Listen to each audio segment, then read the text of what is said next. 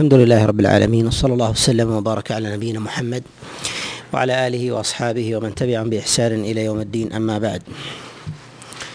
فنشرع في هذا اليوم بإذن الله عز وجل بالكلام على الأحكام الواردة في سورة طه وما يليها. وهذه السور كما تقدم إنها من السور المكية. التي جاءت لإقرار حق الله عز وجل بالعباده بالعبادة وتوحيده. وكذلك أيضا آه، جاءت تثبيتا لأنبياء الله سبحانه لنبينا محمد صلى الله عليه وسلم والأولياء من بعده السائرين على طريقه. وذلك لما ذكر الله عز وجل فيها من قصص الأنبياء وسير الأولين وما فيها من دلالات وعبر. وكذلك أيضا من معجزات أجراها الله عز وجل على ايدي على أيدي بعض أنبيائه. فيجري في هذه السور من الآيات ما ما يكون آه، من القرائن في بيان بعض الشرائع السابقة. وربما تضمنت تبعا خطاب النبي صلى الله عليه وسلم آه، مما يتضمن دخوله عليه الصلاة والسلام وأمته في باب في باب التشريع. أول هذه الآيات في سورة طه قول الله جل وعلا لموسى إني أنا ربك فاخلع عليك إنك بالوادي المقدس طوى. في هذه الآية أمر الله سبحانه وتعالى موسى بأن يخلع عليه. لما دعاه الله عز وجل إلى الوادي المقدس إلى الوادي المقدس العلة في ذلك ظاهرة أن الله سبحانه وتعالى أراد منه أن يخلع عليه لكونه في واد لكونه في واد مقدس. وأما السبب في خلع النعلين في ذاتها فهل المراد بذلك أنها أنها فيها قدر كما جاء في بعض الأحوال عن رسول الله صلى الله عليه وسلم لما جاءه جبريل فقال وكان يصلي فنزعه النبي صلى الله عليه وسلم.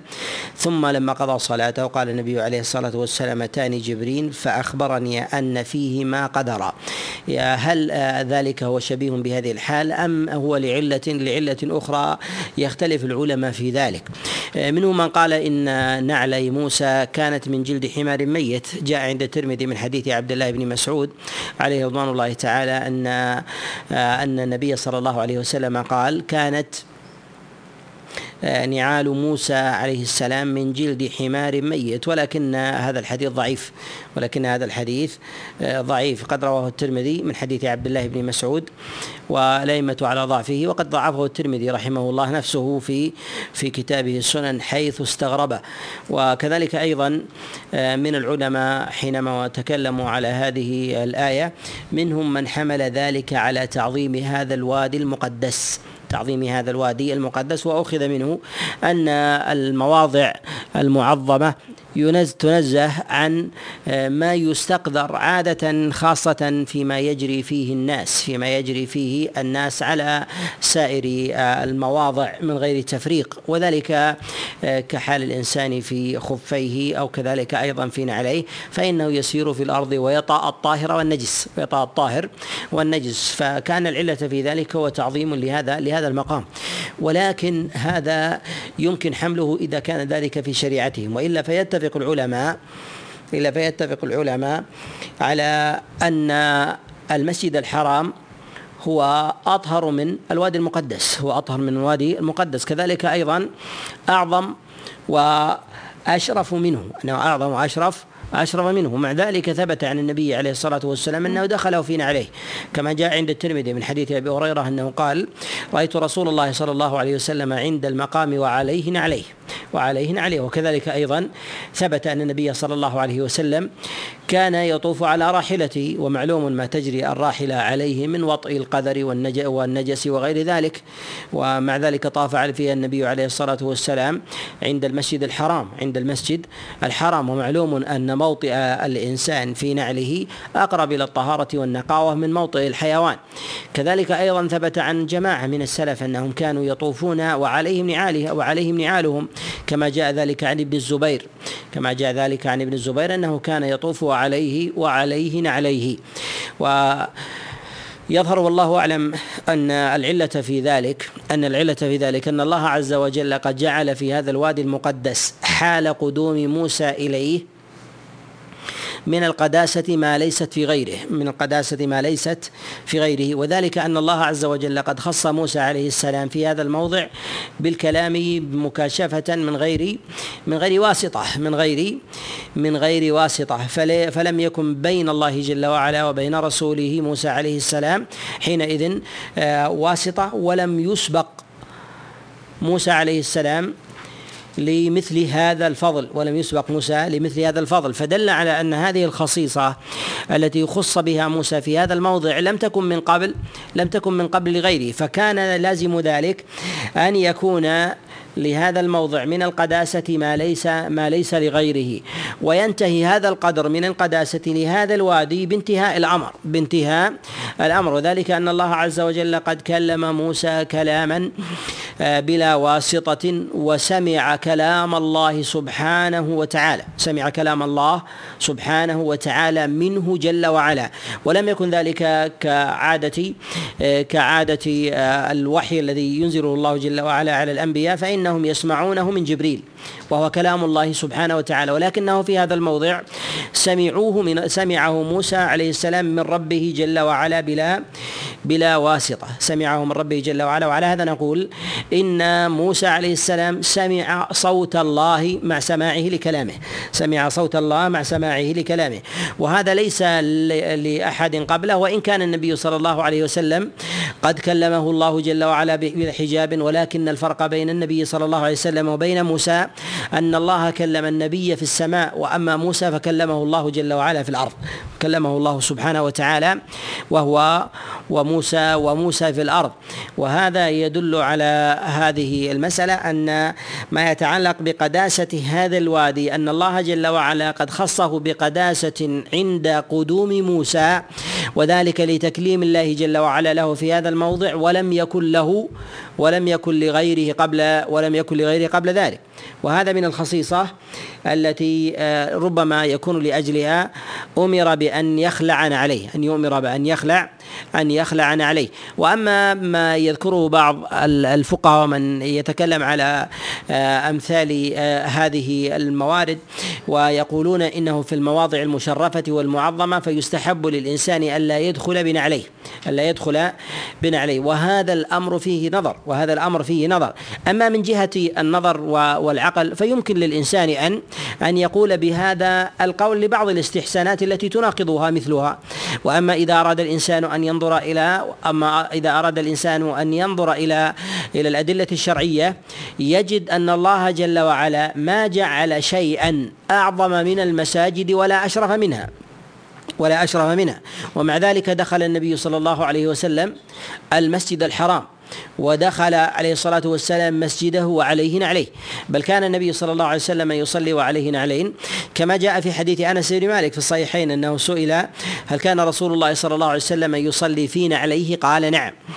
بل إن النبي صلى الله عليه وسلم قد أمر بالصلاة في النعال كما جاء عند أبي داود من حديث الشداد بن أوس أن النبي صلى الله عليه وسلم قال خالفوا اليهود وصلوا في نعالكم فإنهم لا يصلون في نعالهم. وقد كان النبي صلى الله عليه وسلم يصلي تارة بنعليه وتارة يصلي حافيا. كما جاء عند أبي داود من حديث عمرو بن شعيب عن أبيه عن جده أن النبي صلى الله عليه وسلم آه، صلى يصلي آه، مرة حافيا ومرة منتعلة يصلي مرة حافيا ومرة ومرة منتعلة مما يدل على جواز مما يدل على جواز ذلك.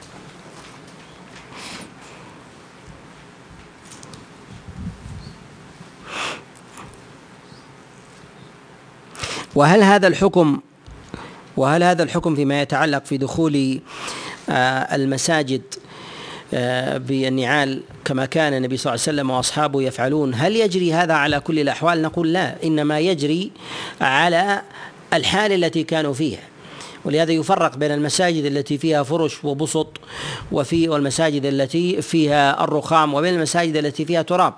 وذلك أنه يختلف المساجد التي فيها تراب عن المساجد التي فيها السلام عن المساجد التي آه التي يفرق بين المساجد التي فيها تراب و عن المساجد التي فيها رخام وفرش وذلك لأن الرخام والفرش يظهر فيها ما لا يظهر في غيرها وأمر التراب أخف. لماذا؟ لأن التراب يغير وينقلب ويكون باطن الأرض يجري تحت في ظاهرها ونحو ذلك فيجري عليه من تغيير حاله ولما يمكن دفنه بخلاف ما يكون من الفرش وما يكون كذلك أيضا من الرخام بل إن الرخام يعلق فيه وفي الفراش كذلك ما لا ما لا يعلق عادة في في التراب فدل على الفرق بينها فدل على الفرق بينها ولهذا يقال إن المساجد إذا كانت تعلق فيها ما تصيبه القدم آه، ما تصيبه النعال فالسنة هو عدم دخولها بالنعال لماذا؟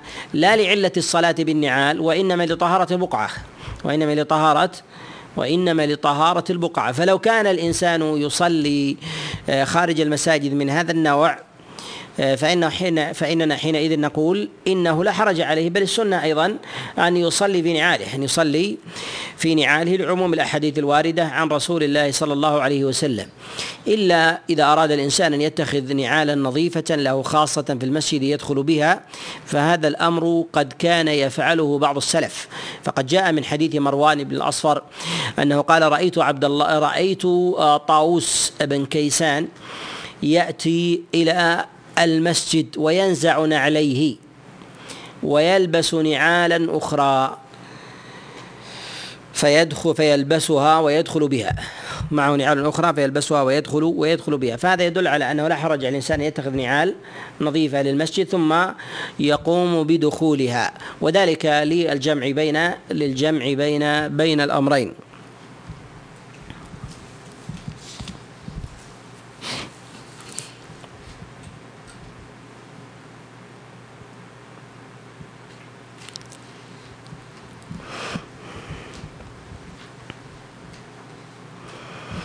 تقدم معنا الكلام على ما يتعلق بمسألة تطهير البقعة تطهير المساجد وبنائها وتطيبها وتقدم معنا الكلام على أخذ الزينة إليها آه، في مواضع سابقة.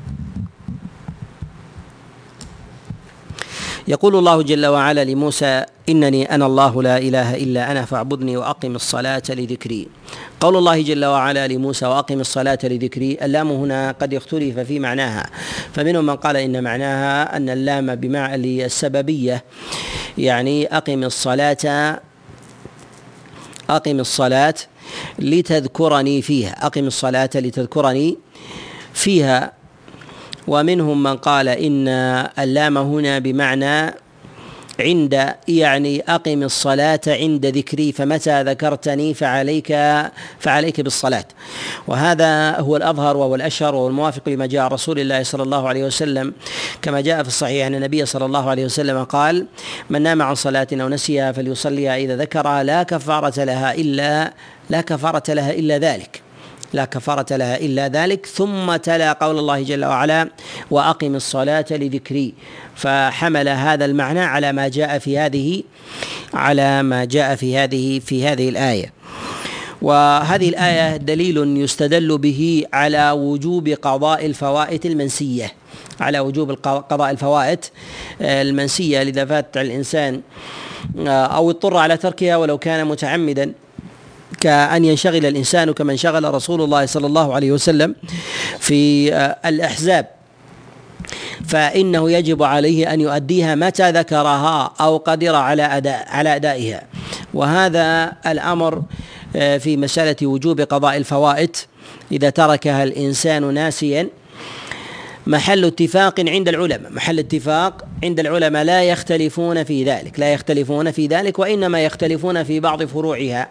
مما يتعلق في مسائل الفروع إذا ترك الإنسان إذا ترك الإنسان مجموعة من الصلوات هل يجب عليه أن يرتبها أو لا يجب عليه؟ وإذا كان لديه فوائد ولديه حاضرة ووقت الحاضرة ضيق لا يكفي إلا لها فهل يأتي بما مضى؟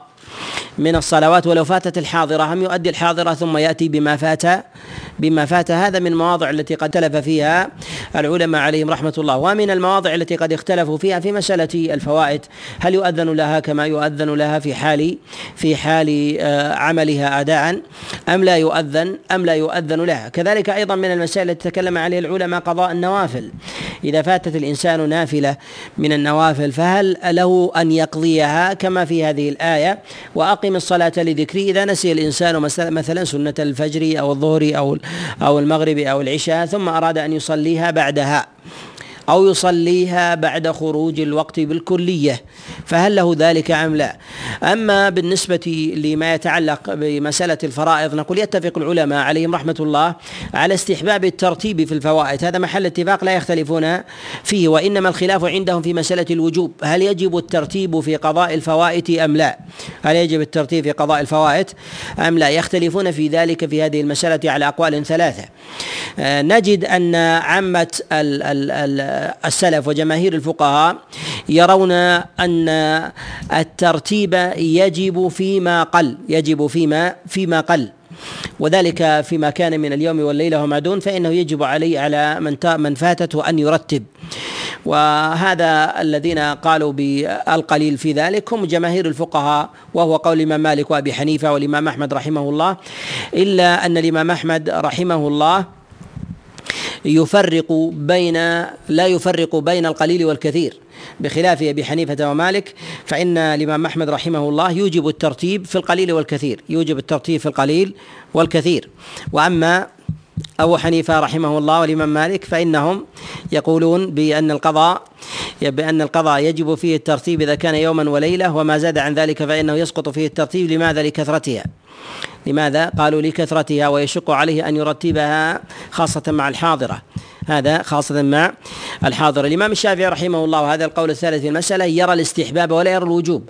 قال وذلك أن هذا من دين الله عز وجل على عباده والدين أيما بدأ به الإنسان فلا حرج عليه فيه فلا حرج عليه فيه. ولأن المقصد من ذلك القضاء وإنما وجب على الإنسان أن يؤديها مرتبة لعامل الوقت الذي كان في الأداء واجتمع ذلك في القضاء. والأظهر في ذلك أن الترتيب واجب أن الترتيب واجب في قليل وكثير ما أمكن الإنسان. وإذا تعذر الإنسان في ذلك كنسيان أو ازدحام وقت حاضرة أو آه، مثلا وجد جماعة مع وجود فسحة من الوقت فإنه حينئذ لا حرج عليه أن آه، أن يؤدي الحاضرة بل هو الأولى بل منه من يوجب ذلك بل منه من يوجب من يوجب ذلك. وذلك أن النبي صلى الله عليه وسلم لا يحفظ عنه في وجه من الوجوه أنه أخل بالترتيب. أخل بالترتيب وذلك حتى في السنن. فإن النبي عليه الصلاة والسلام إذا فاتته الصلاة صلى السنة قبلها ثم أدى الفريضة بعدها كما جاء في نوم النبي عليه الصلاة والسلام عن صلاة الفجر. وهذا إذا كان بين سنة ونافلة بين فريضة ونافلة آه، رتب النبي صلى الله عليه وسلم فإنه كذلك أيضا في أمور الفرائض من باب أولى. ثم أيضا إن النبي صلى الله عليه وسلم ثبت أنه جمع في مواضع عديدة. جمع صلاتين كالظهر والعصر والمغرب والعشاء وما قدم هذه على هذه وما قدم هذه على هذه. وسواء كان ذلك في جمع تقديم أو كان ذلك في جمع أو كان ذلك في جمع تأخير. ثم أيضا إن القضاء يحكي الأداء ويأخذ ويأخذ يأخذ صورته. وأما ما يتعلق بمسألة وأما ما يتعلق بمساله ضيق الوقت يعني إذا ضاق الوقت على من عليه فائته من عليه من عليه فائته ضاق عليه الوقت وفي الحاضرة. فيخشى أنه إذا أدى الفائتة فات وقت الحاضرة. جماهير العلماء يرون أداء الحاضرة حتى لا يكون لديه فائتتان. بدلا من فائتة واحدة. يؤدي الحاضرة ولو جاء بعد ذلك ولو جاء بعد ذلك بالفائتة وإنما يختلفون في قضاء ما أداها وإنما يختلفون في قضاء في قضاء ما أداها والإمام مالك رحمه الله يوجب الترتيب بكل حال يوجب الترتيب بكل حال. وذهب إلى هذا بعض الفقهاء من من أصحابه. وإذا جاء الرجل وعليه فائتة ثم وجد الجماعة يصلون وجد الجماعة يصلون. فنقل بعض العلماء اتفاق الأئمة الأربعة على أن أنه يدخل مع الإمام في صلاته الحالية ولو كان عليه فائتة قد ذكرها. ولو كان عليه فائتة قد ذكرها. ثم إذا قضى صلاته تلك الحاضرة فإنه يؤدي الفائتة. وهذا باتفاق الأئمة الأربعة وإنما الخلاف عندهم. هل يعيد ما صلاها مع الإمام؟ لأنه أداها امتثالا لوجوب أداء صلاة الجماعة وحرمة تفرقتها وأنه لا يجوز له أن يؤدي صلاة منفردة والإمام يصلي صلاة صلاة جماعة. فهل يقضيها أم لا؟ اختلف العلماء في ذلك في قضائها. وهما روايتان في مذهب الإمام أحمد المشهور من مذهبه الإعادة المشهور من مذهبه الإعادة. وله رواية في عدم الإعادة واختارها ابن تيمية رحمه الله على أنه لا يجب لا يجب عليه أن يعيد ما صلاها مع الإمام. وهذا هو الأظهر. وهذا هو وهذا هو الأظهر. وإذا كان عليه فوائد هل يجب عليه أن يؤذن أن يؤذن لها؟ ويقيم ويشرع له ذلك أم لا أم لا يشرع. نقول يتفق العلماء على أن الفوائد تشرع لها الإقامة. هذا محل اتفاق عندهم في أبواب الإقامة وإنما خلافهم في أبواب الأذان. وإنما خلافهم في أبواب في أبواب الأذان. منهم من قال بأنه يؤذن يؤذن للصلاة يؤذن للصلاة الفائتة يؤذن للصلاة الفائتة. وإلى هذا ذهب الإمام أحمد رحمه الله. وإلى هذا ذهب الإمام أحمد رحمه الله إلى أنه يؤذن لأنه يؤذن للصلاه آه، الصلاة الفائتة. وذهب جماعة من الفقهاء وهو قول الإمام الشافعي رحمه الله وجماعة من الفقهاء من المالكية إلى أن الإمام إلى أن من فاتته الصلاة أنه لا يؤذن لها ويكتفى بالإقامة ويكتفى بالإقامة. يذهب بعض الفقهاء آه، ويذهب بعض آه، فقهاء الرأي يذهب بعض فقهاء الرأي إلى أنه حتى الإقامة لا تشرع ولكنه قول ضعيف ولكنه قول قول ضعيف. وهذا القول آه، ينسب لسفيان وهذا القول ينسب لسفيان. والذي يتفق عليه الأئمة الأربعة الذي يتفق عليه الأئمة الأربعة أن الإقامة مشروعة للفائتة أن الإقامة مشروعة للفائتة. الذي يظهر لي والله أعلم في مسألة الأذان في مسألة الأذان للفائتة أنه يفرق بين من فاتته الصلاة وهو في وهو في فلاة وسفر. يعني أنه في مفازة كحال النبي صلى الله عليه وسلم ومن كان معه سواء كان منفردا أو كان معه جماعة في رفقة كان يكون في حج وناموا عن الصلاة جميعا أو في مسير طريق وناموا عن الصلاة جميعا فإن اذان أذانهم لا يشوش على غيرهم أذانهم لا يشوش على غيرهم. حينئذ نقول يشرع لهم الأذان والإقامة. يشرع لهم الأذان والإقامة لأن النبي صلى الله عليه وسلم إنما جاء في الأحاديث أنه أذن واقام أنه أمر بلال أن يؤذن ويقيم لما تركها ولم يكن في المدينة ولم يكن في المدينة كما جاء في حديث أبي قتادة وعمران بن حسين وغير من النبي صلى الله عليه وسلم أمر بلالا أن يؤذن بالناس للصلاة أن يؤذن بالناس لي للصلاة. وأما إذا كان في حضر وأما إذا كان إذا كان في حضر فالأولى ألا يجهر بالأذان ألا يجهر ألا يجهر بالأذان لأن الجهر يقتضي التلبيس لمن سمع الأذان. والتلبيس لمن سمع الأذان وإذا أراد أن يؤذن لنفسه فالأمر في ذلك سعه فإن إذا أراد أن يؤذن لنفسه أن الأمر في ذلك سعه إلا أن الأولى عندي ألا يؤذن إذا كان في حضر حتى ولو كان لنفسه. لماذا؟ لأن الأذان هو للإعلام بدخول الوقت وجمع الناس. الإعلام بدخول الوقت لجمع جمع الناس. أما الإقامة فهي لذات الصلاة. هي السنة لذات لذات الصلاة. ولهذا يشرع المرأة حتى في بيتها. فإذا أراد الإنسان أن يعلم أن يعلم بدخول الوقت فيعلم من؟ ولم يثبت عن النبي صلى الله عليه وسلم ولا عن أحد من أصحابه أنهم كانوا يؤذنون في المدينة للفائتة ويطرأ عليهم من فوت الصلاة ما يطرأ من نوم ونحو ذلك من نوم ونحو ذلك ولا يخلو ولا يخلو الإنسان من ذلك ولا يخلو الإنسان من ذلك فإذا كان هذا وقع لرسول الله صلى الله عليه وسلم فإنه يقع للصحابة من باب أولى. وعدم نقله يدل على إما أنهم يسرون ولا يجهرون بذلك وإما أنهم كانوا لا يفعلون وهو الأقرب وإما أنهم كانوا لا يفعلون وهو وهو الأقرب. وأما بالنسبة لقضاء الفوائد هل تقضى الفوائد أم لا؟ هل تقضى الفوائد أم لا؟ النوافل. اختلف العلماء في ذلك اختلفوا اختلف العلماء في قضاء الفوائد النافلة. وخلافهم في ذلك على أقوال ثلاثة. منهم من قال بأن النافلة تقضى نافلة الراتبة. يدخل فيها الراتبة النوافل عموما.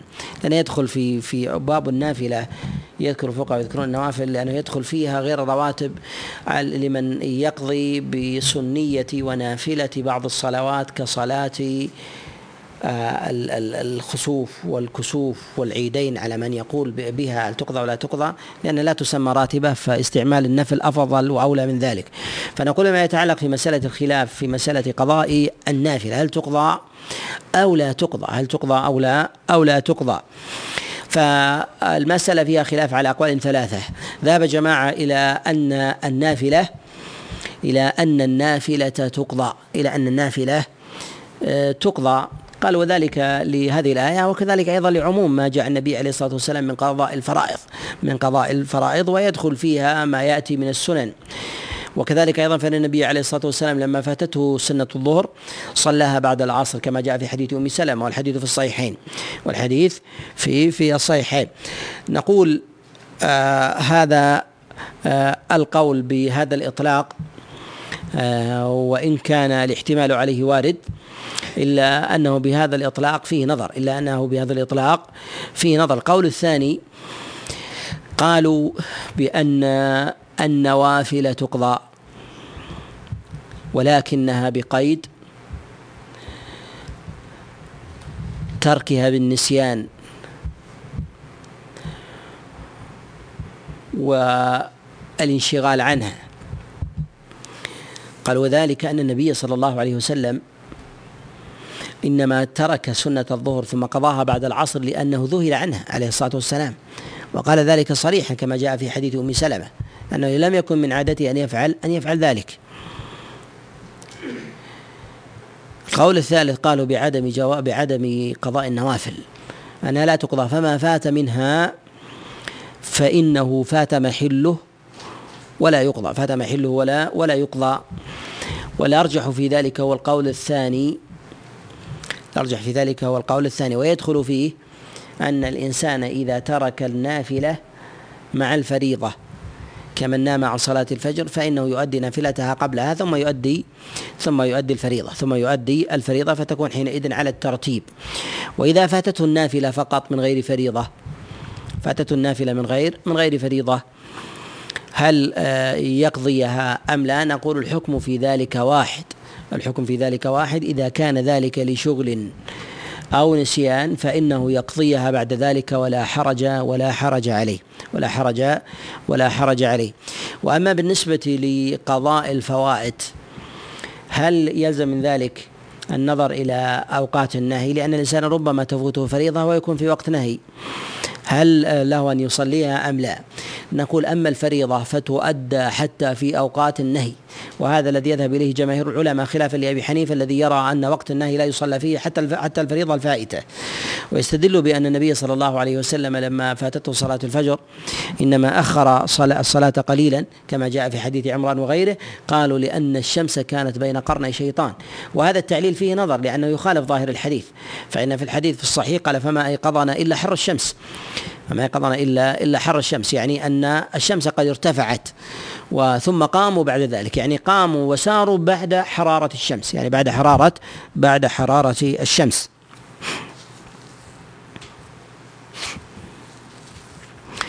ثم في قول الله جل وعلا وما تلك بيمينك يا موسى؟ تقدم الكلام على استعمال اليمين. في مواضع النقاوة والطهارة في الأخذ والعطاء في السلام والكتابة واستحباب ذلك والطهور بخلاف الأذى بخلاف الأذى وما كان من نجاسة. تقدم الإشارة معنا إلى هذا الحكم. يقول الله جل وعلا في طلب موسى من ربه واجعل لي وزيرا من أهلي يشرع من ذلك أن يتخذ الإنسان له بطانة وكلما على منزله وأمرا في الناس فإنه ينبغي له أن يتخذ بطانة. يستنصحهم فينصحوه. ويستشير ويستشيرهم فيشير عليه ويستعين بهم على أمره وقضائه وقضاء حاجة الناس وحاجته. فإن هذا من الأمور الشرعية. فإن هذا من الأمور الشرعية. وذلك أنه كلما على الإنسان منزلة في الناس ويسمع له ويطاع فإن فإن الناس أو البطانة تدنو منه اختيارا واضطرارا. يعني أن الله عز وجل لا بد أن يجعل للإنسان بطانة بطانة. فيجب عليه أن يست فيجب عليه أن يختارها قبل أن يختاروه. ولهذا يقول النبي صلى الله عليه وسلم كما جاء في حديث أبي سعيد الخدري وفي الصحيح قال ما من نبي ولا خليفة إلا وله بطانتان. بطانة تأمر بطانة من الخير بطانة من الشر. بطانة من الخير تأمره بالمعروف وتنهاه عن المنكر وبطانة من الشر تأمره بالمنكر وتنهاه عن المعروف. وهذا والمعصوم من عصمه الله. هذا فيه دليل على أن الإنسان لا بد أن يكون له بطانة. وذكر النبي والخليفة لأن الناس يدنون إليك. يدنون يدنون إليك. ويختلفون بحسب ويختلف الناس ذلك بحسب كونهم رؤوسا وبحسب الاتباع إليهم. وبحسب ما يضع الله عز وجل في أيديهم. من قدرة وجاه ومال وسلطان وغير ذلك. فالناس يأتون ويدنون. فينبغي للإنسان أن يختار بطانته قبل أن يختاروه. وهذا وهكذا كان الأنبياء. وهذا كان هكذا كان الأنبياء. يفرقون بين البطانة وبين وبين الجلوس إلى سائر الناس. فإن النبي عليه الصلاة والسلام يجلس مع سائر الناس ولكنه لم يتخذ بطانة إلا إلا من الأتقياء الاصفياء الاولياء كابي بكر وعمر وعثمان وعلي بن أبي طالب وغيرهم من أصحاب رسول الله صلى الله عليه وسلم. فكانوا آه، خير بطانة لرسول الله صلى الله عليه وسلم. وأما الجلوس فكان النبي عليه الصلاة والسلام آه، يجلس إلى كل ذي حاجة قاصدا للخير مظهرا له.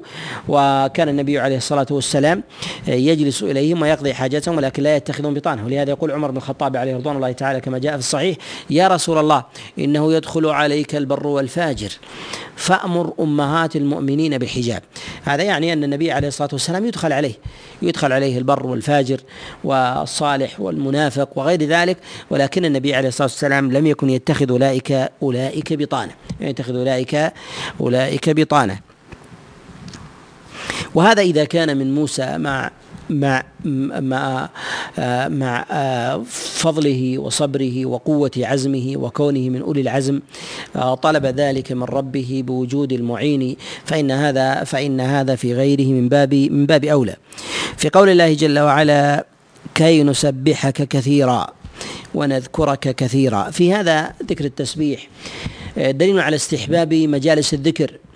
دليل على استحباب مجالس الذكر والحاجة إليها فإذا احتاج إليها الأنبياء فاحتاجوا إلى غيرهم لذكر الله عز وجل فإن غيرهم من باب أولى أن يحتاج أن يحتاج إلى إلى من يعينه على ذكر الله سبحانه وتعالى فإن هذا من الأمور المحمودة من الأمور المحمودة وأن لا يستقل الإنسان بنفسه حتى في عمل البر والخير. فإن عمل الجماعة بركة فإن عمل الجماعة عمل الجماعة بركة. ويحمل التسبيح على معنييه. تسبيح الذكر وتسبيح العمل وهو الصلاة. وكلها مشروعة من جهة من جهة فعل فعل الجماعة. كذلك في قول الله جل وعلا ونذكرك كثيرا فإنه داخل في هذا في هذا الباب.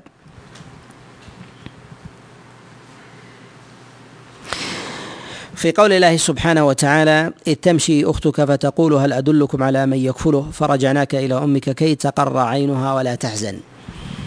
في هذا مسألة الكفالة. في مسألة الكفالة وتقدم معنا في مسألة الكفالة ومسألة الرضاع للصغير. وكذلك حيازة ماله وإنمائه آه، تقدم معنا ذلك في في مواضع. تقدم هذا معنا معنا في مواضع سواء كان ذلك في آية الرضاعة أو كان ذلك أيضا في قصة زكريا وكذلك أيضا في أوائل سورة النساء وكذلك في سورة البقرة في إصلاح مال في إصلاح مال مال اليتيم.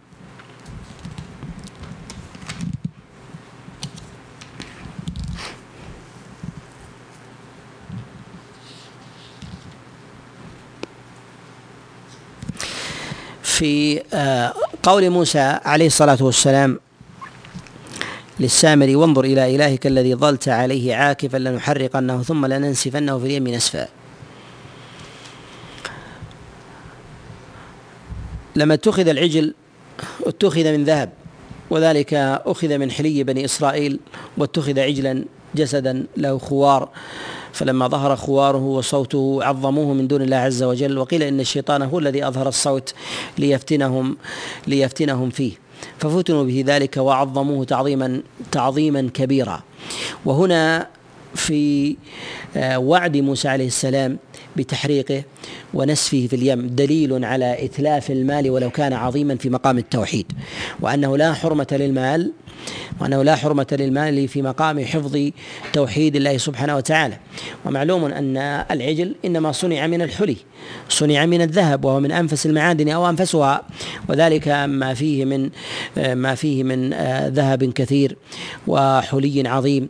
وربما يقول الإنسان لو أذيب وصيغ وغير وحول إلى حلي وغير ذلك مما ينتفع منه الناس مما ينتفع منه منه الناس. وإنما امتنع موسى عليه السلام من ذلك لأن العجل العجل اتخذه السامري ومن معه عبادة من دون الله سبحانه وتعالى لا لأجل لا لأجل ذاته لا لأجل لا لأجل ذاته وإنما أشربوا في قلوبهم ذلك كما وصف الله سبحانه وتعالى وإشراب القلب وأشربوا في قلوبهم العجل بكفرهم. يعني أنه كأنما شربوه وجرى في عروقهم. فعظموا ذلك تعظيما. فلو صيغ لعبدوا لعبدوا ما صيغ عليه ولو كان قلائد في أعناق النساء. لاتبعوه وقطعوه حتى يتخذوه بعد ذلك معبودا. فأراد موسى عليه السلام أن يتخلص من ذلك من ذلك كله ولا يبقي له أثرا. وهذا يدل على أن أن مقام التوحيد هو أعظم من مقام حفظ المال. أن مقام التوحيد هو أعظم من من حفظ مقام مقام المال. وهذا أمر وهذا أمر ظاهر متجلي. وذلك أن الله سبحانه وتعالى قد جعل المال يبذل في باب تحقيق التوحيد وما جعل التوحيد يبذل في باب تحقيق في باب تحقيق آه، المال وهذا أمر مسلم وهو محل اتفاق عند سائر عند سائر آه، الأنبياء وعند سائر أهل أهل الملل. وإذا اختلفت الصورة وإذا اختلفت الصورة ولم يكن في آه، في تعلق الناس ولا تشربهم في صنم من الأصنام ولم يأبه به أو كان معبودا وهجر ونحو ذلك فحينئذ اختلفت العلة ويختلف حينئذ الحكم. وأما إذا وجد مثلا أثر من الآثار أو صنم من الأصنام قيمته عظيمة وذلك لتاريخه أو ذلك أيضا لمعدنه ونفاسته ونحو ذلك والناس آه، والناس بين الطرفين إما أقوام تعلقوا به تعلقا كتعلق بني بني إسرائيل حينئذ لا قيمة له ولو عظمت.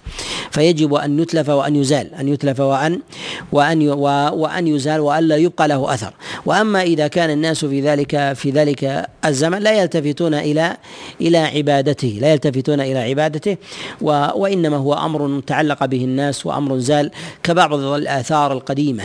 كبعض الآثار القديمة التي هي للديانات وملل آه، شركية سابقة فحينئذ يقال لا حرج من إذابته وصياغته والانتفاع من ماله لأن الناس لم يشربوه كما شرب كما أشرب بنو إسرائيل آه، العجل في قلوبهم بكفرهم.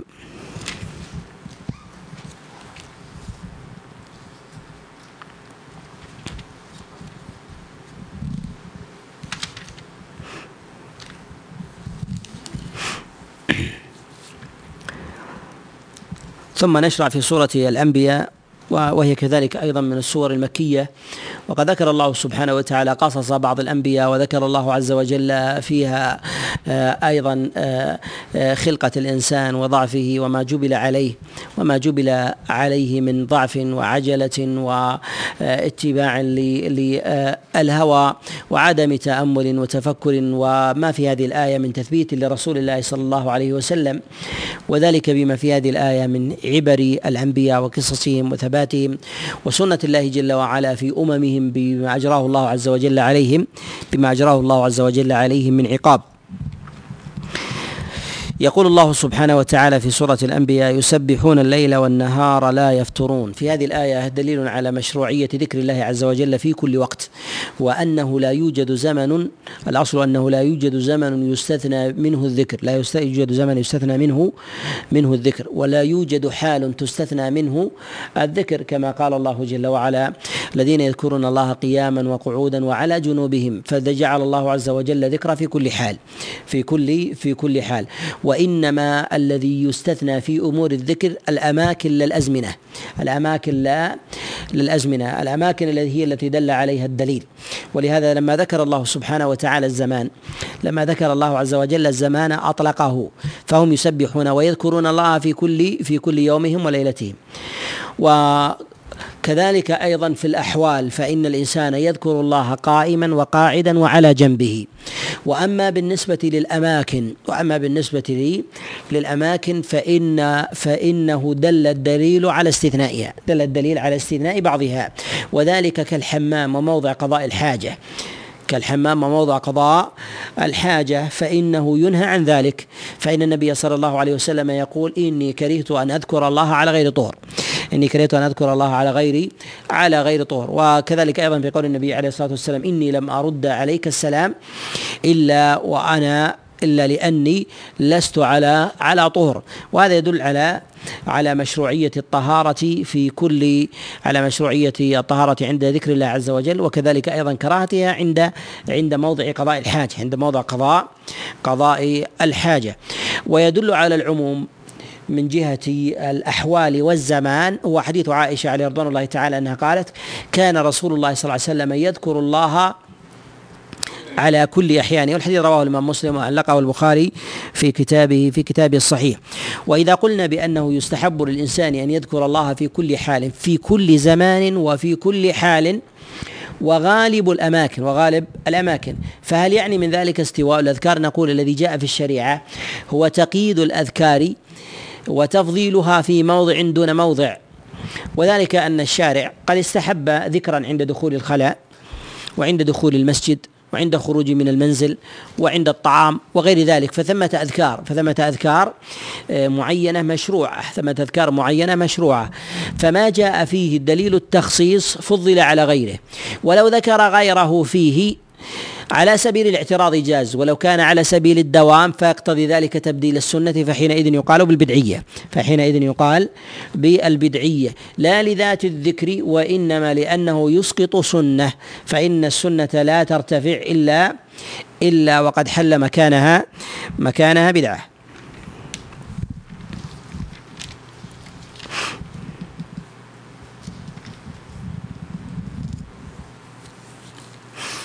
في قول الله سبحانه وتعالى عن إبراهيم لما حطم اصنامهم وسأله قومه عن ذلك قال إبراهيم بل فعله كبيرهم هذا فاسالوهم إن كانوا ينطقون. هذه الآية هي من المعاريض التي استعملها فيها من المعاريض التي استعملها إبراهيم عليه السلام وقد جاء في المعاريض أن إبراهيم استعمل استعمل المعاريض أن إبراهيم استعمل المعاريض آه، في مواضع أربعة. في مواضع أربعة الموضع الأول وفي هذا الموضع لما قال لقومه بل فعله كبيرهم هذا. والموضع الثاني في قوله هذا ربي والموضع الثالث في قوله إني سقيم. والموضع الرابع الموضع الرابع لما مر على جبار من الجبابرة. وقال هذا قال هذه أختي وليست وليست باخته وليست باخته فهذه مواضع أربعة. وقد جاء في الحديث أن النبي عليه الصلاة والسلام قال آه لم يكذب إبراهيم إلا ثلاث كذبات اثنتان منهما في جنب الله. اثنتان منهما في ذاته في ذات الله. وهذا هل يؤخذ منه جواز المعاريض ويؤخذ منه جواز المصلحة في الكذب أم لا؟ نقول إن إبراهيم عليه السلام لم يقع في الكذب المحض الصريح في هذه المواضع وإنما المعروف عند الناس والعرب أن ما خالف خالف الظاهر فهو من جنس الكذب سواء كان مذموما أو جائزا محمودا أو جائزا محمودا وإن كان الأصل في الكذب الذم لا الحمد. والمعاريض تسمى كذب والمعاريض تسمى كذب لأنها تخالف الظاهر. وإذا ذكرت المعاريض وذكر الكذب فرق بينها وبينهما وبينهما عموم وخصوص فإن الكذب أوسع معنى من المعاريض والمعاريض هي أخص معنى. هي أخص معنى والمعاريض التي تكون صدقا في باطنها كذبا في ظاهرها. وأما الكذب فهو ما خالف الواقع ظاهرا وباطنا. ما خالف الواقع ظاهرا وباطنا. وقد جاء عن عمر بن الخطاب عليه رضوان الله تعالى أنه قال إن في المعاريض لمندوحة عن الكذب وهو موقوف عليه وموقوف موقوف عليه وجاء مرفوعا والصواب فيه والصواب فيه الوقف. فنقول إن المعاريض هي هي حق في باطنها. ولكنها في ظاهرها تخالف الواقع عند السامعين أو بعضهم عند السامعين أو أو بعضهم. فحمل ما جاء عن إبراهيم على هذا المعنى في أكثر هذه المواضع. وأما في قول النبي عليه الصلاة والسلام أن إبراهيم كذب لم يكذب إبراهيم إلا ثلاث كذبات نقول انما ذكر ثلاثا مع أن الأحاديث قد جاءت بأربع وذلك أن الحديث في قول النبي عليه الصلاة والسلام يكذب الله ثلاث كذبات. ذكر هو ذكر قول ذكر قول إبراهيم إني سقيم وذكر قول إبراهيم لما قال بل فعله كبيرهم وذكر في قوله للجبار هذه هذه أختي. وقد جاء عند مسلم في مسلم في حديث الشفاعة في قوله هذا هذا ربي في قوله هذا هذا ربي. ونقول ما يتعلق بأمثال هذه هذا يدل على أنه ليس المقصود في ذلك الحصر وقد يكون بعضها من جنس بعض. وذلك ما يتعلق مثلا في قول إبراهيم في قول إبراهيم هذا ربي. وقول إبراهيم بل فعله كبيرهم. يكون هذا من باب المناظرة لبيان الحق من باب المناظرة لبيان لبيان الحق. وذلك أن هذه المعاريض التي استعملها إبراهيم. لو تأملها الإنسان لوجد أنها من جهة الحقيقة لا تخرج عن الحق أو إحقاق الحق. أما أولها وهو في قوله في هذه الآية بل فعله كبيرهم. نجد أن إبراهيم يعلم ويعلم قومه أن الأصنام لا تستطيع أن تحطم بعضها. ولو سئلوا في ذلك لأجابوا. إذا هم يعلمون وهو يعلم. فاستعمال أمثال هذه العبارة هي لإرجاعهم إلى عقولهم وأذهانهم لتزول الغشاوة التي قد وضعوها على قلوبهم من عدم التفكر والتدبر. إذا أطلق عبارة معلومة من جهة حقيقتها أنها ليست مرادة ليرجعوا إلى ليرجعوا إلى إلى أنفسهم. كذلك أيضا في قوله إني سقيم. في قوله إني إني سقيم في قول إبراهيم عليه الصلاة والسلام ذلك. هذه جاءت لما أراد إبراهيم أن يحطم أصنامهم لما ناظرهم في حقيقة آه، معبودهم وبذل العبادة له وتوحيده وكثرة هؤلاء المعبودين سواء كانوا من الأفلاك والأجرام أو غيرهم أراد وبيت النية في كسر أصنامهم فلما أرادوا أن يرجعوا إلى أهليهم أرادوا إبراهيم أن يرجع أن يرجع معهم فقال إني سقيم يعتذر عن يعتذر عن الذهاب. فلما ذهبوا مال إلى أصنامهم. وهذا يدخل في قول النبي عليه الصلاة والسلام يدخل في قول النبي عليه الصلاة والسلام الحرب خدعة لأنه أراد من ذلك عدوانا على الشر وإزالة له إزالة إزالة له. وأما الثالثة وهو في كذبه على الجبار لما قال هذه أختي النبي عليه الصلاة والسلام أمر بأن يدفع الرجل عن عرضه. وقال النبي عليه الصلاة والسلام من قتل دون أهله فهو شيء كما جاء في السنن من حديث سعيد بن زيد. فإذا كان الإنسان يدفع عن عرضه بالقتل فكيف لا يدفع ب فكيف لا يدفع بالكذب؟ فإن هذا من الأمور المشروعة في أمثال هذه المواضع من الأمور المشروعة في أمثال هذه هذه المواضع. ولا يوجد صاحب عقل يقول لا أدفع عن عرضي بالكذب لا أدفع عن عرضي بالكذب خاصة ممن يملك القدرة على العدوان ممن يملك القدرة على على العدوان. كذلك أيضا في قوله هذا ربي هذا يحمل على أبواب التنزل في أبواب المناظرة. وذلك أن الإنسان ربما يتنزل في أبواب هذه المناظرة من باب المناظرة في أبواب التسليم. لنسلم في هذا لوصول إلى غاية أعظم. نسلم نقول كأن يقول الإنسان آه سلمنا بأن هذا كذا أو هذا القول باطل. كأن يناظر الإنسان مثلا رجلا مبطلا في حجيه في حجية السنة. وهذا الرجل يقول ان السنة مثلا ليست ليست بحجة. فقال السنة ليست بحجة. أن السنة ليست ليست بحجة. ولكن حجج القرآن. ما تقول بكذا وكذا وكذا. فقوله حينما يناظر في أن الحجة أن السنة ليست بحجة. ليس موضع تسليم حتى عند السامع. حتى عند السامع. لأنه يخالف أصل المقصود من المناظرة لأن أصل المقصود من المناظرة هو توحيد الله عز وجل لا توحيد الكوكب. لا توحيد الكوكب. كالمناظرة أيضا في حجية السنة فإنه حينما يبطلها وأصل المناظرة في ذلك هو للوصول إلى إلى حجيتها وإنما أرجعه إلى موضع من الأدلة إلى موضع من الأدلة آخر. وقد جاء النبي عليه الصلاة والسلام الترخيص ببعض أنواع الترخيص ببعض أنواع ببعض أنواع الكذب. ولهذا يقول النبي صلى الله عليه وسلم ليس بالكذاب الذي الذي ينمي خيرا. وقال وجاء النبي عليه الصلاة والسلام كذلك أيضا أنه آه، لم يرخص في الكذب إلا إلا في ثلاث. لم يرخص النبي عليه الصلاة والسلام في الكذب إلا في الثلاث في الحرب وكذب الرجل على زوجته وفي إصلاح ذات ذات البين. وهل هذا الحصر في هذه الثلاثة مراد لذاتها أم أن المراد بذلك هو أن الإنسان ما قامت الحاجة في مثل ذلك وإنما ذكرت هذه الثلاثة لحصر الحاجة فيها لحصر الحاجة فيها والحاجة في في هذه الثلاث فإذا بانت وظهرت فإنها تتجلى في غيرها كحال الإصلاح في في ذات البين بدفع سوء عن شخص آه، ربما يجلبه شخص كذلك الإنسان في دفعه الشر عن نفسه. فإذا جاز له أن يصلح بين اثنين في دفع شر عن واحد منهم فكذب في ذلك فإن كذلك دفعه في لشر يقع في نفسه من باب أولى. ولكن هل هو دائما يجوز للإنسان أن يكذب في كل إحقاق حق وفي كل إبطال باطل؟ نقول هذا يختلف لأن من الحق ما هو يسير لا يوازي عظمة الكذب وفحشه. وربما أيضا من منزلة الإنسان في ذاته منزلة الإنسان لا يليق به أن يكذب كذبا يؤخذ عليه في أمر من أمر من الخير يسير. أمر في أمر من الخير يسير. فإن معرة الكذب عليه لا توازي ما جاء من من آه، قليل قليل الخير. كذلك أيضا في دفع السوء لأن من السوء ما هو شيء قليل.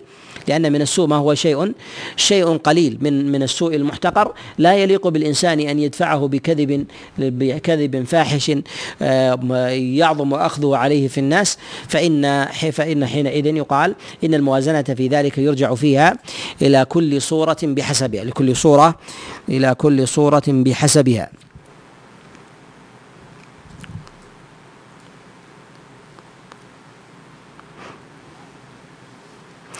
يقول الله جل وعلا وداود وسليمان إذا إذ يحكمان في الحرث إذ نفشت فيه غنم القوم وكنا لحكمهم شاهدين.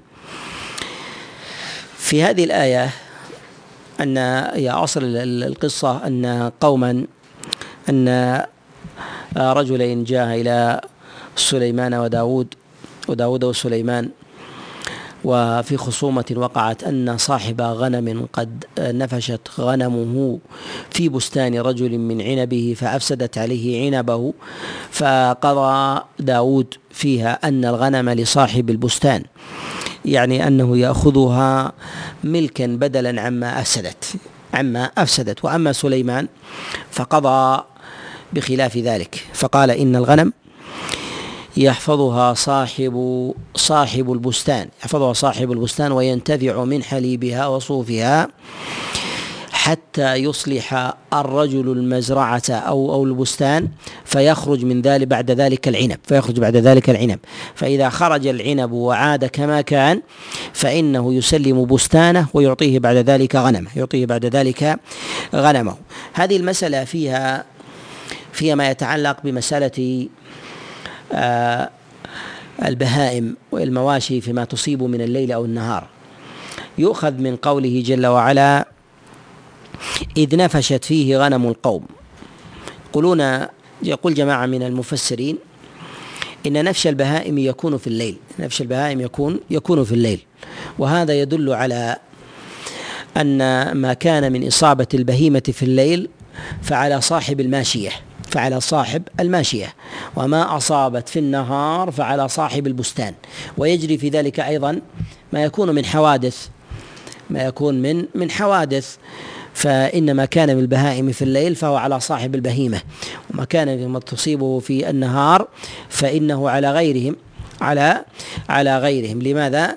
لأنه يرى ويبصر لأنه يرى يرى ويبصر. ويذهب جمهور العلماء على التفريق استدلالا بهذا الحديث بين الليل والنهار وأن ما كان من آه، جرح العجماء والبهيمة من الليل فإنه فإن الضمان ليس عليها ولا على وليها وأن ما كان منها في النهار وأن ما كان من ما كان في آه، الليل فإنه يكون الضمان عليه.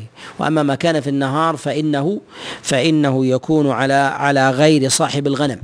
وهذا قضاء النبي صلى الله عليه وسلم كما جاء في حديث البراء بن عازب. أبو حنيفة رحمه الله يخالف جمهور العلماء في ذلك ويرى أن العجماء جرحها جبار في كل حال وأنها ليس عليها ولا على وليها شيء. ليس فيها ولا في مال وليها شيء. ولكن نقول إن الحديث حديث العجمة مخصوص بهذه النازلة في التفريق بين الليل والنهار التفريق بين بين الليل بين الليل والنهار. ويدخل في هذا ما يتعلق بأمور الحوادث المرورية في أمور الإبل والغنم ودهسها في الطرقات ونحو ذلك. ما كان من أمور الليل ما كان في أمور الليل فإن ذلك على رب البهيمة. عليه الضمان. وما كان في النهار فإنه على السائر لأنه يبصر الطريق. كذلك أيضا فإن صاحب البهيمة وراعيها يجب عليه أن يحوطها عن طرقات المسلمين وعن منافعهم. فإنهم في موضع الليل إما لا يرون أو كذلك أيضا في بساتينهم موضع مبيت. لا حماية لا حماية للبساتين. ويصعب للإنسان أن يحترز من الليل والنهار بخلاف النهار فيبصر الضر الذي يلحق يلحق بستانه أو ماله. في قول الله سبحانه وتعالى ففهمناها سليمان وكلا آتينا حكما وعلما. كلاهما قد اجتهد داود وسليمان ولكن الله عز وجل قد خص بالفهم سليمان. مع أن الله عز وجل قد مدح الاثنين بالحكمة والعلم. وهذا يدل على أن الاجتهاد جائز فيما لا نص فيه. ولهذا يقول النبي صلى الله عليه وسلم كما في الصحيح إذا اجتهد الحاكم فأصاب فله أجران وإذا اجتهد فأخطأ فله أجر واحد. وذلك مقتضى حمد الاثنين دليل على على الأجر. الواحد. وحمد المصيب دليل على أنه انفرد بخصيصة وأجر عليها اجرا واحدا. وهذا يتضمن على أن مسائل الاجتهاد يسوغ للإنسان أن يستفرغ وسعه. وهنا في قول النبي عليه الصلاة والسلام إذا اجتهد الحاكم فأخطأ إذا اجتهد الحاكم فأصاب. دليل على أنه لا يجتهد إلا إلا عالم. وأنه أيضا حتى لو كان عالما يجب عليه أن يجتهد لا أن يأخذ ذلك على عواهنه لأنه قال إذا اجتهد لأنه ربما يقول بغير اجتهاد فيأثم. يقول بغير اجتهاد فيأثم ولو كان في حقيقته عالم. ومن اجتهد في غير مواضع الاجتهاد ويعلم أنها من المواضع المحسومة فهو آثم في ذلك ولا يؤجر لأنه اجتهد في غير موضع الاجتهاد. ومن اجتهد في موضع يظن أنه موضع اجتهاد فبان أنه من القطعيات فهو مأجور لماذا؟ لأنه محمول وموكول إلى ما يعمل إلى ما يعلم وظن أنها من مسائل الاجتهاد وليست كذلك وفي قول الله جل وعلا وعلمناه صنعة لبوس لكم لتحصنكم من بأسكم فهل أنتم شاكرون؟ في هذا مشروعية اتخاذ الألبسة التي تقي الإنسان الضر سواء كان ذلك من ضر عدوان الإنسان أو كذلك أيضا من صولة حيوان مفترس وغير ذلك. وفي هذا على ما تقدم الإشارة إليه جواز أن يحمل الإنسان ما يحميه من سلاح ولو كان في غير حرب. وقد كان النبي عليه الصلاة والسلام يتخذ السلاح وهو في المدينة من غير قتال. ولا ترقب عدو فإن هذا مما يحمي به الإنسان نفسه من العوارض. وقد كان الصحابة عليهم رضوان الله تعالى يحملون الرماح والسهام والنبال والسيوف معهم حتى في المسجد. وكان النبي عليه الصلاة والسلام يأمرهم بالإمساك بها وكذلك أيضا بعدم رفعها ويدل هذا على أنهم كانوا يحملونها حتى في مسجد النبي عليه الصلاة والسلام. كذلك أيضا في حديث عائشة في قولها في أن رسول الله صلى الله عليه وسلم كان يسترني وأنا أنظر إلى الحبشة يزفنون برماحهم يعني أن أن الرماح موجودة حتى في مواضع الأمن وأعظم مواضع الأمن هو في العيدين ولا يكون الإنسان في لهو إلا وهو في غاية الأمن إلا وهو في غاية في غاية الأمن.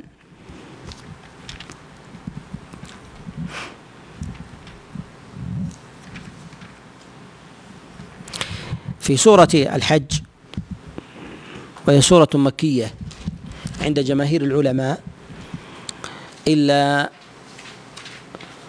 بعض آيات على خلاف فيها. هل هي ثلاث آيات أو أربعة؟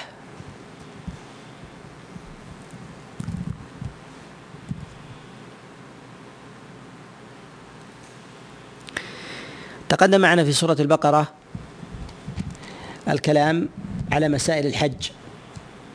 تكلمنا عن المناسك والأهلة وتكلمنا عن المواقيت وتكلمنا كذلك أيضا على الطواف. والسعي بين الصفا والمروة. وتكلمنا أيضا عن الوقوف بعرفة والدفع منها إلى مزدلفة. تكلمنا على أحكام المشعر الحرام. وتكلمنا كذلك أيضا عن البيت بمنى والهدي. وما يتعلق في ذلك من من أحكام. يتعلق في ذلك من من أحكام.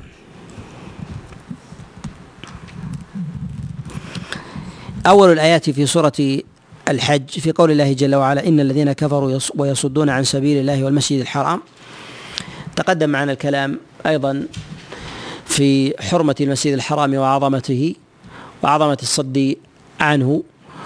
وكذا تقدم كذلك أيضا معنا الكلام على الأشهر الحرم وأن الله عز وجل إنما جعلها حرما تعظيما للمسجد الحرام ولقاصديه. فيرجع في ذلك إلى إلى تلك تلك المواضع. ثم في قول الله جل وعلا وأذن في الناس بالحج يأتوك رجالا وعلى كل ضامر يأتين من كل فج عميق. تقدم معنا أيضا الكلام على مسألة الحج ووجوبه. وهل هو على الفور أم على التراخي؟ والحج قد اختلف العلماء فيه هل هو على الفور أم على التراخي؟ على قولين ذهب جمهور العلماء على أنه على الفور لا على التراخي. وهذا ظاهر مذهب الإمام أحمد وأبي حنيفة. والإمام مالك خلاف الإمام الشافعي رحمه الله فإنه يرى أنه على التراخي وهذا قول مروي عن عطاء. والصواب في ذلك أنه على الفور. وذلك أن الله عز وجل قد أوجب على رسوله صلى الله عليه وسلم الحج. فبعث أبا بكر وعلي بن أبي طالب وأبا هريرة وجماعة من أصحابه ليؤذنوا في الناس. لا يحج بعد هذا العام مشرك وأن لا يطوف في البيت عريان. إشارة إلى المبادرة التي سيبادرون بها وتأخر النبي في حجته عليه الصلاة والسلام آه التي بعث فيها أبا بكر. ومن معه لعلة لعلة عدم اختلاط المناسك والمشاعر والشعائر بعمل المشركين وأفعالهم. وهذا من أعظم المقاصد وهذا من أعظم المقاصد يسوق للإنسان فيها أن يؤجل أن يؤجل الحج. ويستدل بعض الفقهاء من الشافعية على أن النبي عليه الصلاة والسلام لما أخر الحج آه، عاما بعد فرضه على خلاف عندهم في زمانه. ولكن المتفق عليه أن النبي عليه الصلاة والسلام إنما بعث أبا بكر وعلي بن أبي طالب وأبا هريرة ومن معه أن يحجوا قبل حجة الوداع أنه كان الحج حينئذ واجبا. أن الحج كان حينئذ واجبا على اختلاف في المدة التي كان كانوا قبل قبل ذلك. وهذا محل اتفاق عند عند السلف على خلاف عند في كلام بعض بعض المؤرخين. ومن آه، قال بقوله من الفقهاء من المتأخرين الذين توسعوا في في قول أن الحج قد فرض بعد ذلك. وهذا قول قول ضعيف ينبغي لا يلتفت الا يلتفت إليه لا يلتفت إليه. ويدل على أن الحج على الفور أن النبي عليه الصلاة والسلام لما أراد الحج بعث إلى الناس في أطراف المدينة وبعث إلى آه، وبعث إلى من آمن معه ممن كان خارجا عنها ولو كان بعيدا يبلغهم أن النبي عليه الصلاة والسلام سيحج هذا العام. فتبعوه من سائر أقطار جزيرة العرب ومنهم علي بن أبي طالب حينما جاء من اليمن. وجاء أقوام من أطراف نجد كلهم يلحقون رسول الله صلى الله عليه وسلم في حج وهذا يدل على التأكيد. ومن القرائن كذلك أن أسماء عليها رضوان الله تعالى خرجت وهي في شهر ولادتها فولدت في ذي الحليفة. ومعلوم في مثل ذلك من المشقة والشدة والحرج ما على المرأة ومن معها في مثل هذه الحال ما يكون عذرا لو أرادت أن تعتذر بالبقاء بالبقاء في المدينة.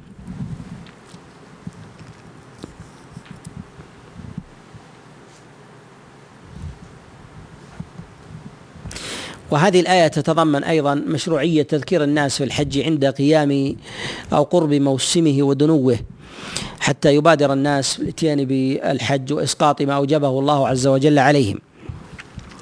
وفي قول الله جل وعلا يأتوك رجالا وعلى كل ضامر يأتين من كل فج عميق استدل بعض العلماء بهذه الآية على مشروعية الحج ماشيا.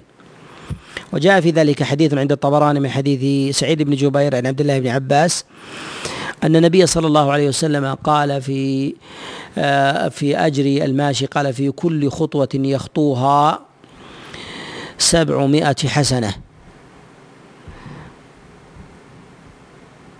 وهذا وهذا ضعيف ومنكر. وجاء في بعض ألفاظها سبعمائة سيئة ترفع عنه.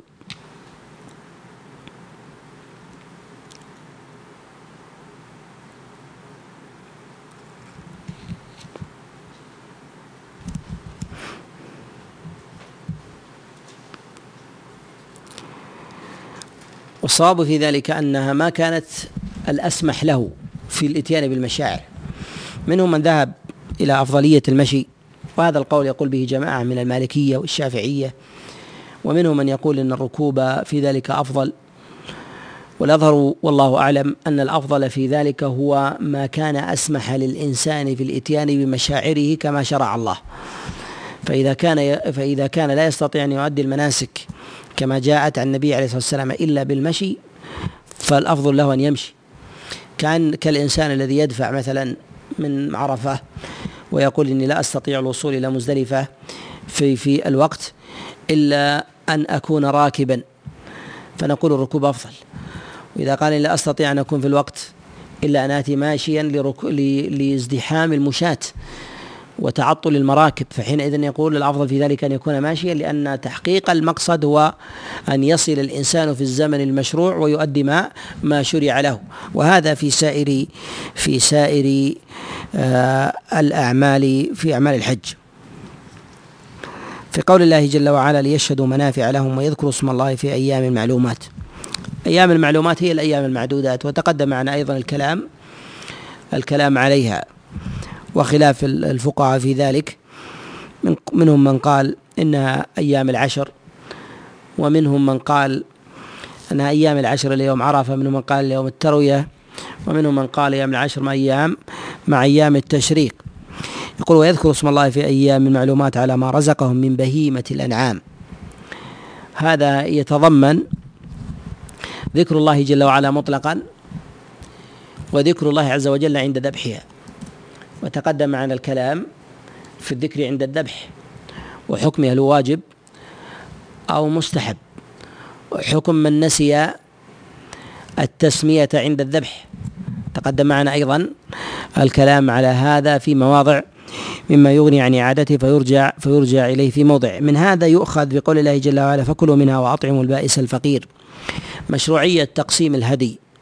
وأن الإنسان يطعم منه وكذلك أيضا يتصدق منه يجمع بين الأكل منه وكذلك أيضا بين بين الصدقة. ثم في قول الله جل وعلا ثم ليقضوا تفثهم وليوفوا نذورهم وليطوفوا بالبيت العتيق. قضاء التفث المراد به هو انتهاء المناسك بما أحل الله عز وجل للإنسان مما كان قد حرم عليه.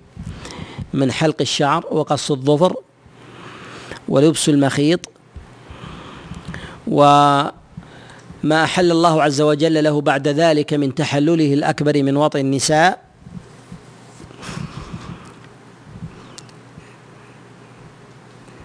وهذه الآية تتضمن بدليل الخطاب ومفهومه بدليل الخطاب ومفهومه على أنه يشرع للإنسان عند إحرامه أن يأخذ من شعره وأظفاره ومن إبطه ومن عانته إذا كان الفاصل في ذلك طويلا. لأنه لم يثبت عن النبي عليه الصلاة والسلام أنه عند الإحرام أنه يأخذ من شعره وظفره وإنما ثبت عند التحلل. لماذا قلنا بذلك؟ لأن ذلك يقتضي الامتثال. ولهذا جاء عن إبراهيم النخعي أنه قال كانوا يستحبون أن يأخذوا من أشعارهم وأظفارهم عند الإحرام عند الإحرام. أما عند التحلل فهذا ظاهر في ظاهر القرآن وعمل النبي عليه الصلاة والسلام. وهذا أيضا فيه دليل على مشروعية ترتيب الأعمال. ترتيب الأعمال فإن ترتيب الأعمال في يوم النحر أن يبدأ الإنسان برمي جمرة العقبة ثم بعد ذلك يقوم بالنحر. وذلك لقول الله جل وعلا ولا تحلقوا رؤوسكم حتى يبلغ الهدي محلة. يعني عليك بالهدي ثم بعد ذلك احلق. ثم إذا حلق بعد ذلك فإنه يلبس ويطوف أو يطوف ويلبس. وإذا قدم شيئا منها على الآخر فإن ذلك جائز. وذلك لقول النبي صلى الله عليه وسلم افعل ولا حرج فما سئل عن شيء قدم يومئذ يعني في أعمال يوم النحر إلا قال افعل افعل ولا حرج.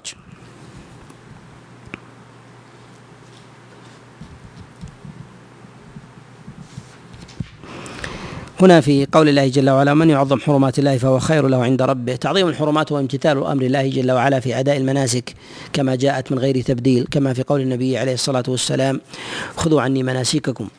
تقدم معنا الكلام على هذا الأمر من جهة الاقتداء بأمر النبي عليه الصلاة والسلام وكذلك أيضا في عدم الخروج عنه في آه، في الكلام على سورة البقرة في آيات الحج منها.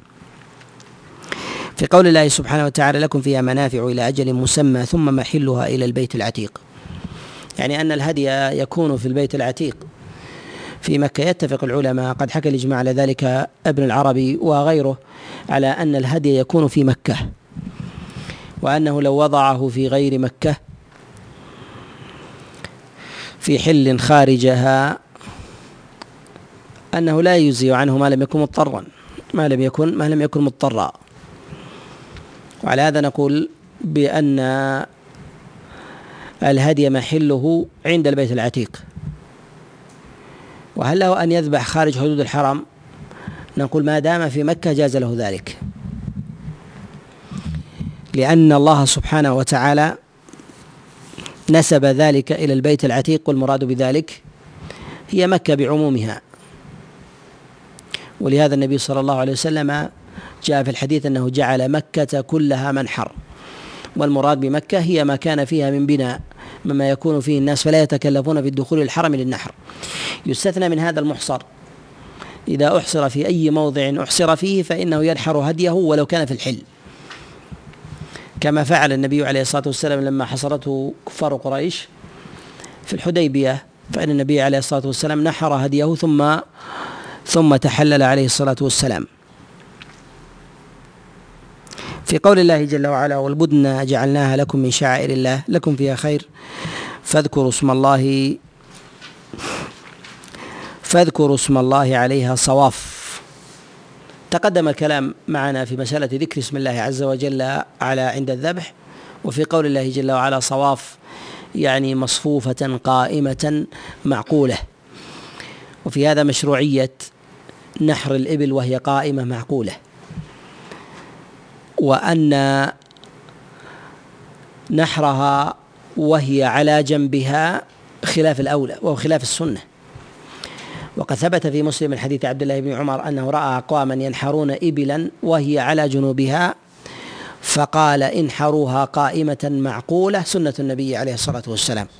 وأن هذا هو هو السنة لظاهر هذه الآية ولفعل النبي عليه الصلاة والسلام. هذه الآية تتضمن أفضلية نحر الإبل وأنها أفضل من البقر والغنم في الهدي. وقد حكي الاتفاق على ذلك على أنه في الهدي أن الإبل أفضل من البقر والغنم. وذلك لهذه الآية. ولأن النبي عليه الصلاة والسلام قد نحر في حجة الوداع مئة من الإبل بيده ثلاثا وستين والبقية في يد علي بن أبي طالب عليه رضوان الله. وهذا يدل على أن النبي عليه الصلاة والسلام إنما قصد هذا العدد في مثل هذا الموضع وهذا الجنس دل على فضله. وإن كان ثبت عن النبي عليه الصلاة والسلام أنه أهدى غير ذلك فقد أهدى النبي عليه الصلاة والسلام عن نسائه بالبقر كما جاء في الصحيح. فنقول ما يتعلق بالأفضلية فهي هي موضع كلامنا هنا أن الأفضل في ذلك البدن. وهل يكون ذلك في الأضاحي؟ إذا قلنا البقر إذا قلنا البدن هي أفضل في الهدي ثم يكون بعد ذلك البقر ثم يكون بعد ذلك الغنم. وهل هي في الأضاحي أم لا؟ نقول يختلف الأضاحي. فقد اختلف العلماء في الأضاحي. هل الأفضل في ذلك البدن أم الأفضل في ذلك الغنم؟ النبي عليه الصلاة والسلام في أضحيته ضحى بكبشين. وأما في هديه فضحى بالإبل فأهدى بالإبل. فنقول إن الأفضل في الأضحية أن يكون ذلك من الغنم. وهذا الذي رجحه الإمام مالك رحمه الله لظاهر فعل النبي عليه الصلاة والسلام مع قوله بالإجزاء فيما يتقرب به الإنسان من بهيمة من بهيمة الأنعام. ثم أيضا في قول الله جل وعلا فإلهكم إله واحد فله أسلموا. في قول الله جل وعلا فكلوا منها وأطعموا القانع والمعتر. وقبل ذلك في قول الله جل وعلا فإذا وجبت جنوبها. يعني أنها كانت قائمة. يعني أنها كانت قائمة ثم وقعت بعد نحرها. ثم وقعت بعد نحرها قال فكلوا منها وأطعموا القانع القانع والمعتر. يستحب أن يأكل الإنسان قبل أن يتصدق. قد أكل النبي عليه الصلاة والسلام من هديه كما جاء في حديث جابر وفي الصحيح. طعام القانع والمعتر القانع الذي يظهر الاكتفاء وهو محتاج والمعتر والفقير الذي يسأل. يعني تعطي المتعفف وتتتبعه وتنظر في ملامحه ولباسه وتعلم حاجته ثم تقوم بكفايته. والمعتر الذي الذي يتعفف. الذي آه، المعتر الذي يسأل الناس ويبدي فقره فإنه يسد هذا ويسد هذا.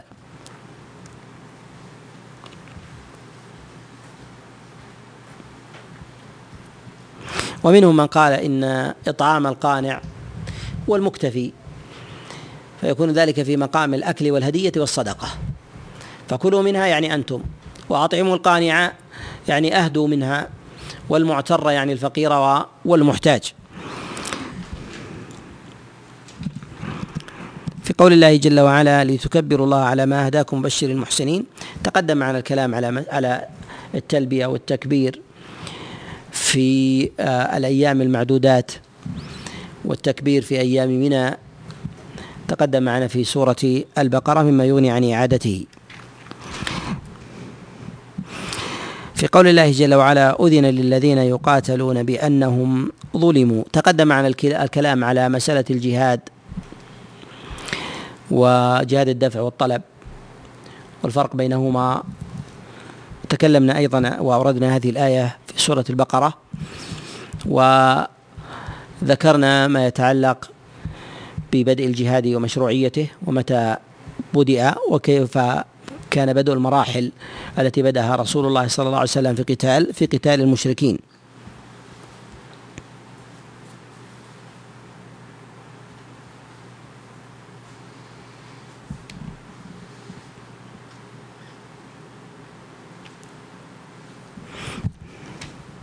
في قول الله سبحانه وتعالى الذين إن مكناهم في الأرض أقاموا الصلاة. التي تأتي بعدها في مسألة ولولا دفع الله الناس بعضهم ببعض لهدمت صوامع وبيع. وتقدم أيضا الكلام عليها في مسألة آه، جهاد الدفع وتقدم معنا الكلام على مسألة آه، التترس وما يتعلق بقتل الشيوخ والصبيان والرهبان ودور العبادة.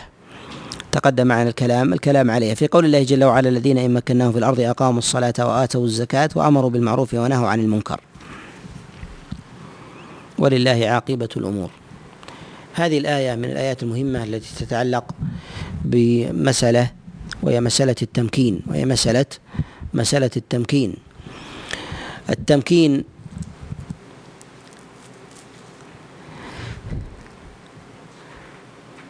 هو الذي أوجب الله سبحانه وتعالى معه القيام بتمام شريعته والتكاليف الشرعية إما أن تكون على فرد وإما أن تكون على جماعة.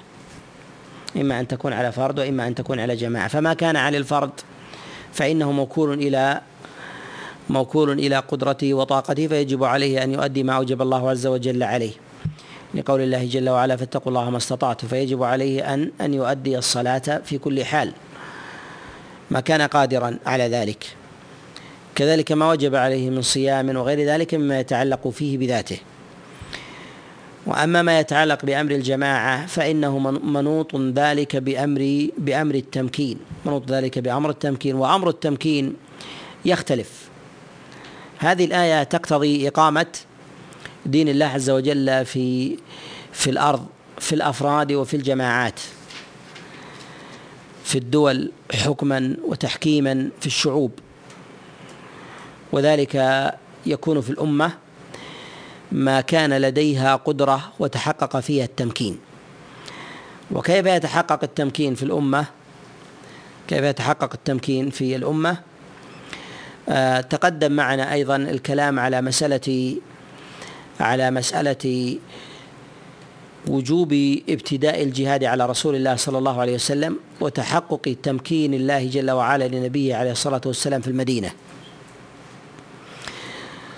إذا تأملنا آيات التمكين في القرآن نجد أن من التمكين ما هو تام ومن التمكين ما هو ما هو غير تام. وأما التمكين التام الذي يتحقق فيه وجوب القيام بشريعة الله عز وجل على الأمة بالقيام بدين الله عز وجل تاما نجد أنه بتوفر شروط ثلاثة. الشرط الأول أن تملك الأمة أسباب الانتفاع من خيرات الأرض.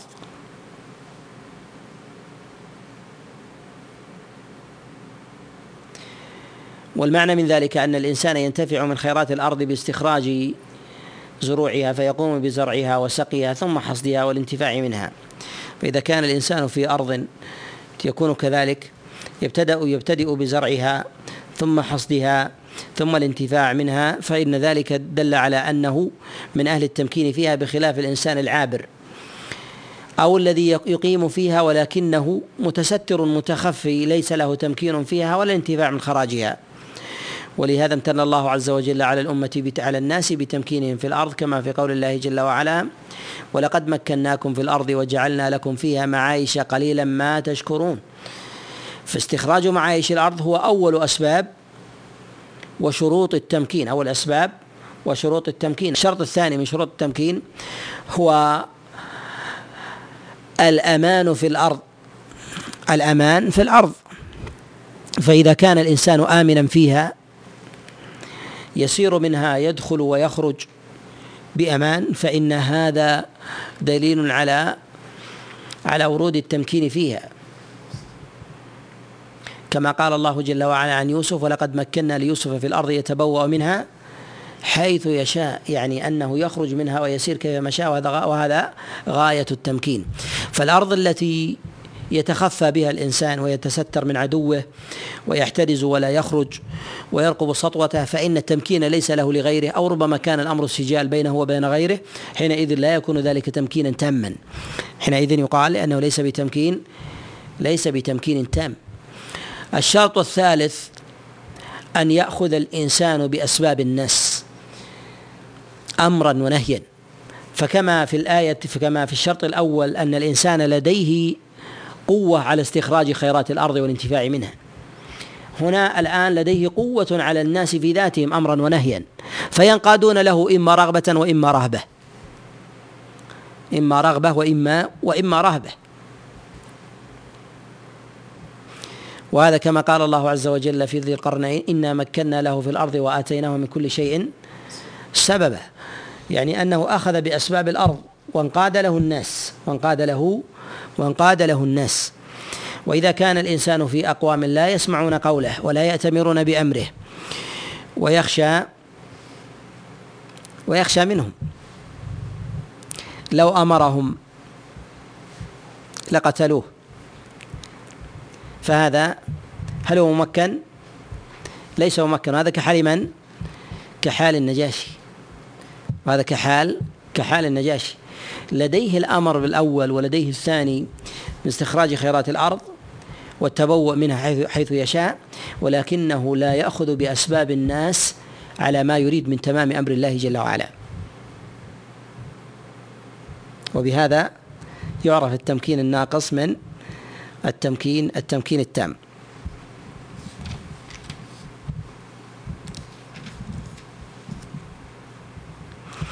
في قول الله جل وعلا في آخر آية من سورة الحج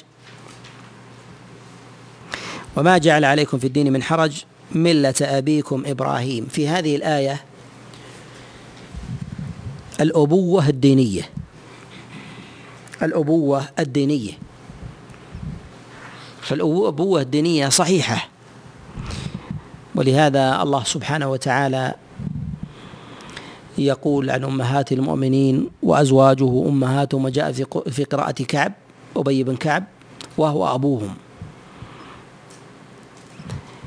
ولو لم يكن من الأبوة أبوة نسب. وكذلك على قول بعض المفسرين في قول لوط لقومه هؤلاء بناتي. فهذا إما أن يكون من آمن معه فنسب الأبوة إليهم أبوته إليهم فكانت أبوة دينية أو كان الأبوة في ذلك أبوة نسب فكان الخطاب يتوجه إلى بناته من النسب. ولهذا لا حرج على الإنسان أن يصف غيره بالأبوة والولادة. إذا كان من ذلك قدوة في أمر الديانة وكذلك أيضا العلم والفضل. ونكتفي بهذا القدر وصلى الله وسلم وبارك على نبينا محمد وعلى آله وأصحابه ومن تبعهم بإحسان إلى يوم الدين.